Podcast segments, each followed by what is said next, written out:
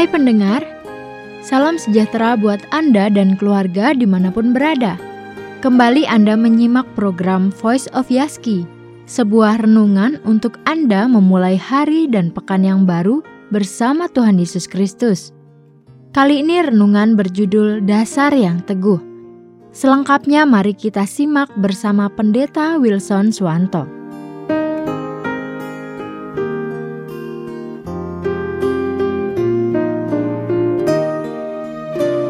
Saudara yang terkasih, Matius 7 ayat 24 sampai 27. Yesus berkata, "Setiap orang yang mendengar perkataanku ini dan melakukannya, ia sama dengan orang yang bijaksana yang mendirikan rumahnya di atas batu. Kemudian turunlah hujan dan datanglah banjir, lalu angin melanda rumah itu. Tetapi rumah itu tidak rubuh, sebab didirikan di atas batu." Tetapi setiap orang yang mendengar perkataanku ini dan tidak melakukannya, ia sama dengan orang yang bodoh yang mendirikan rumahnya di atas pasir. Kemudian turunlah hujan dan datanglah banjir. Lalu angin melanda rumah itu sehingga rubuhlah rumah itu dan hebatlah kerusakannya. Bagian firman yang baru kita baca adalah penutup dari pengajaran Tuhan Yesus yang kita kenal sebagai khotbah di bukit. Bagaimana Yesus membawa seluruh pengajarannya ini kepada sebuah kesimpulan seperti yang baru kita baca, yaitu seorang yang bijaksana bukan hanya mendengar firman Tuhan, tetapi dia melakukannya. Dengan kata lain, dia mendengar firman Tuhan bukan untuk sekedar lebih tahu, rasa ingin tahu, supaya lebih tahu dari orang lain. Bukan, tetapi dia mendengar firman Tuhan dengan tujuan untuk melakukannya, sehingga kehidupannya berubah, bertumbuh, dan berbuah. Jadi, ketika kita mendengar firman Tuhan, kita menerimanya, kita perlu meresponinya dengan taat, melakukannya. Dan Yesus mengatakan ada dua macam pendengar satu, pendengar yang mendengar lalu melakukannya. Yang kedua adalah pendengar yang mendengar firman dan berhenti sampai di sana. Dan selalu ada dua macam pendengar ketika firman Tuhan diberitakan. Nah, ketika kita membaca bagian ini, tentu timbul pertanyaan, mengapa Yesus menggunakan contoh tentang bangunan atau pembangun? Yesus adalah tukang kayu. Dia tahu banyak tentang hal membangun rumah. Di Israel, pembangun rumah harus memperhitungkan musim hujan. Memang kalau bukan musim hujan, musim kering, semua itu kelihatan sama. Tetapi kalau hujan baru kelihatan kualitas fondasi dan bangunan di atasnya. Maka hal yang paling penting di dalam membangun rumah bukanlah memilih bahan-bahan, kemudian memilih warna. Paling penting dalam membangun rumah adalah memilih lokasi. Lokasi yang tepat. Lokasi yang tepat adalah lokasi yang fondasinya kuat, berada di atas batu. Fondasinya itu batu yang solid, bukan pasir. Orang yang pikirannya pendek yang berpikir asal bangun saja selama kelihatan bagus dan tidak ada apa-apa pun yang akan terjadi.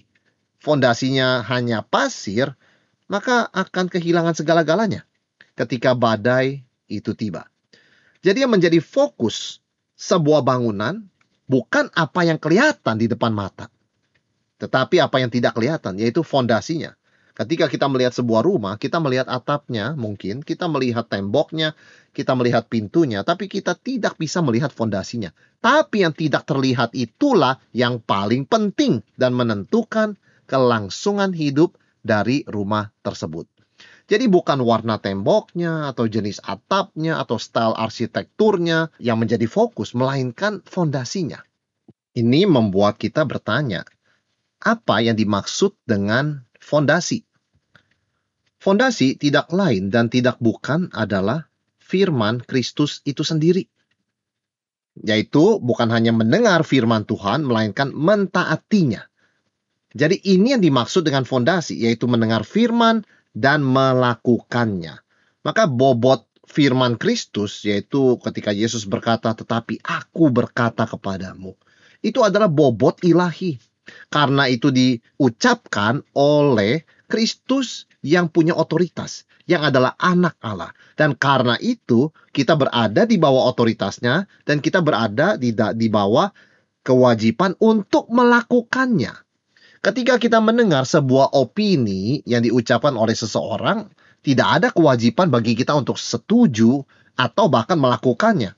Tetapi berbeda ketika itu diucapkan oleh seorang yang berotoritas seperti seorang polisi yang melambaikan tangan dan menghentikan kendaraan kita. Di situ kita harus menghentikan kendaraan kita, menuruti akan instruksinya karena dia punya otoritas.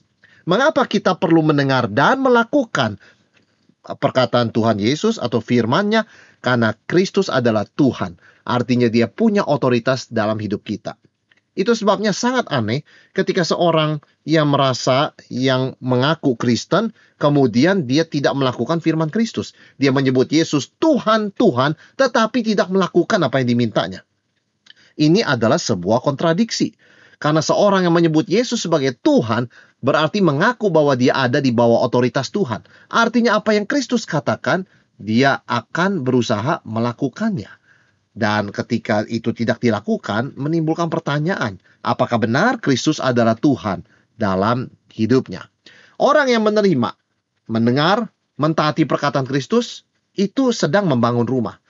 Orang yang mendengar perkataan Kristus namun tidak melakukannya, ia juga membangun rumah. Bedanya adalah fondasinya, lokasinya. Bedanya adalah ketika badai datang. Dan ini sangat penting. Mengapa? Karena musim hujan atau badai pasti akan datang. Di dalam hidup manusia, hidup kita ada dua musim. Ada musim kemarau, ada musim hujan. Maksudnya, ada saat-saat yang tenang, ada saat-saat penuh dengan gejolak dan badai. Misalnya kita melihat ketika manusia melewati masa muda yang penuh dengan keceriaan dan harapan, mungkin itu kita anggap masa yang lancar.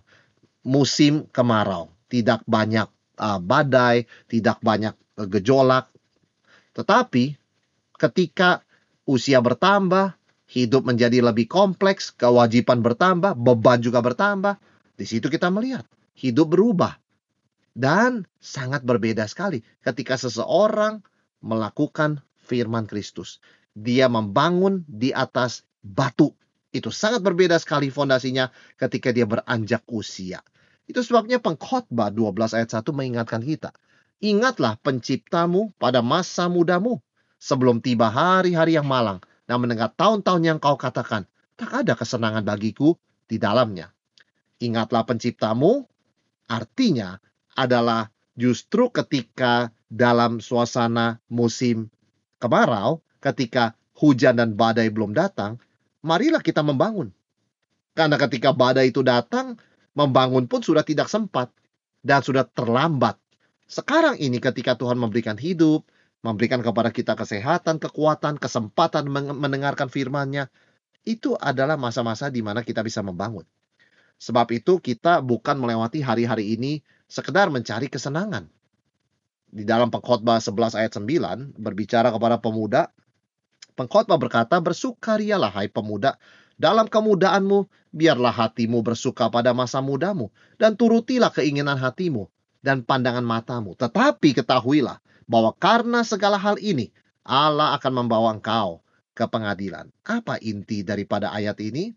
Suka atau tidak, badai hujan itu pasti akan datang. Jadi ada tiga fakta di dalam pengajaran Yesus ini. Yang pertama, setiap orang pasti membangun. Setiap orang membangun bangunan. Fakta yang kedua, fondasi harus kuat dan benar, yaitu firman Kristus. Fakta yang ketiga, badai dan hujan membuktikan kemurnian kekuatan fondasi kita. Di dalam firman Tuhan, Yesus selalu bicara fondasi. Sedangkan di dalam hidup kita sehari-hari, di, di dalam dunia ini, di luar sana, kita jarang mendengar orang berbicara mengenai fondasi. mereka lebih banyak berbicara mengenai hasil, angka, statistik. Padahal yang tidak kelihatan, fondasi itu yang paling penting dan paling menentukan. Pada waktu ekonomi Amerika sedang lancar di tahun 2005, semua orang sangat senang, sangat optimistik pertumbuhannya luar biasa 6,5 persen untuk sebuah negara ekonomi adidaya seperti Amerika Serikat pada waktu itu adalah angka yang sangat-sangat besar. Tetapi lompat kepada 2008 pertumbuhannya minus 0,92 persen. Mengapa bisa demikian? Problemnya adalah karena banyak orang pada waktu itu hanya melihat angka hanya melihat statistik. Oh, 6,5 persen. Ini angka yang sangat bagus. Kita harus terus menjalankan ini dan tidak usah memikirkan yang lainnya. Sehingga harga rumah naik, permintaan naik. Orang rela membayar berapa mahal pun untuk rumah. Karena mereka pikir ini akan berlanjut terus. Ekonomi sedang sehat. Ternyata di luar dugaan mereka. Mereka salah melihat. Yang dilihat itu tidak boleh angka atau prosentase karena ini bisa menyesatkan. Yang harus dilihat adalah fondasinya. Ternyata selama tahun-tahun itu, tanpa sadar fondasi ekonomi Amerika sangat lemah. Karena ternyata pemasukan dan pengeluaran tidak seimbang, kemudian harga-harga melambung tinggi, yang disebut dengan bubble, tidak ada nilai yang sebenarnya, hanya keberanian orang membayar, dan pada akhirnya, pada waktunya tiba, kelihatan bahwa fondasinya rusak ketika krisis ekonomi melanda dunia pada tahun 2008 banyak sekali bank, banyak sekali orang kehilangan rumah dan sebagainya. Maka pemerintah mengambil alih dan memperketat peraturan. Jadi pertanyaan yang sangat penting bagi kita sebagai orang Kristen adalah apa fondasi kehidupan kita? Di mana kita membangun? Bagaimana respon kita kepada setiap firman Kristus yang kita dengarkan.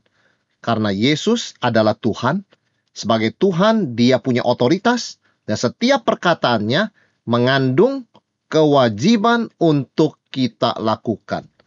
Dan ini bukan merupakan sesuatu yang bersifat optional atau pilihan, melainkan sesuatu yang imperatif, yaitu keharusan. Karena itu Yesus mengatakan, Barang siapa yang mendengar perkataanku dan melakukannya, dia adalah orang bijaksana yang mendirikan rumahnya di atas batu. Maka ketika badai datang, dia survive. Namun Yesus juga tahu ada jenis pendengar lainnya, yaitu ada orang yang mendengarkan perkataannya dan tidak melakukannya. Dia adalah orang yang tidak bijaksana atau bodoh, yang membangun rumahnya di atas pasir. Sehingga ketika badai datang, hancurlah rumah itu. Hebatlah kerusakannya. Bahkan tidak mungkin diperbaiki kembali. Dan kita sebagai orang percaya adalah orang yang sudah diselamatkan dari murka Tuhan. Diselamatkan dari penghukuman. Diampuni, dibersihkan oleh darah Kristus. Kita tidak akan menjadi orang-orang yang membangun rumah di atas pasir.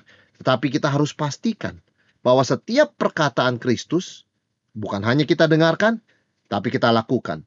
Bagaimana kita bisa bersikap demikian? Mari kita bertanya.